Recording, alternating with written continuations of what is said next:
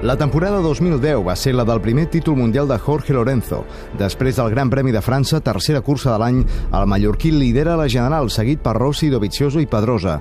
Valentino es lesiona greument als entrenaments a la quarta cursa, a Mugello. Amb Rossi fora de joc, Pedrosa supera Lorenzo i Stoner a la pole. És una cursa de només 16 pilots. It's a massive crowd. Can Danny Pedrosa make it count from pole? It's to be tough because Jorge Lorenzo looks in very dangerous form indeed. Aquella va ser la primera victòria de la temporada pel samurai de Castellà. Danny Pedrosa wins the Italian Grand Prix here in Mugello. He salutes the crowd. Aquella victòria coincideix amb la primera de Marc Márquez al Mundial, va ser a 125 centímetres cúbics.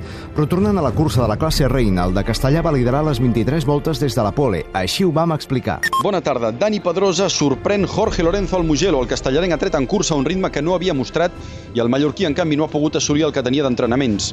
Aquest és Dani Pedrosa. Estem trobant una mica el camí, la veritat, no, no, no dic que ja estem a, per guanyar cada gran premi, però, però hem, hem, hem millorat. I aquest és Jorge Lorenzo. Bueno, a pesar de que estoy bastante hablando mal mosqueado, tampoco se acaba el mundo, ¿no? Por, por haber quedado segundo. Yo creo que Yamaha tiene que seguir trabajando en, en el motor, sobre todo, pero yo también tengo que seguir mejorando mi, mi pilotaje y seguir aprendiendo. Tercer al podi ha estat Andrea Dovizioso, quart Stoner i vuitè Aleix Espargaró Valentino mirant-s'ho des de l'Hospital de Florència. Lorenzo manté el lideratge del Mundial amb 25 punts sobre Pedrosa i 32 sobre Dovizioso. Pedrosa va aconseguir el 2010 quatre victòries, primera vegada que n'aconseguia tantes. La seva ratxa es va frenar al circuit de Motegi quan va tenir un accident durant els entrenaments. El gas de l'Onda va quedar enganxat i ell va sortir volant i es va trencar una clavícula. Aquell accident va deixar via lliure a Lorenzo per sumar el seu primer títol.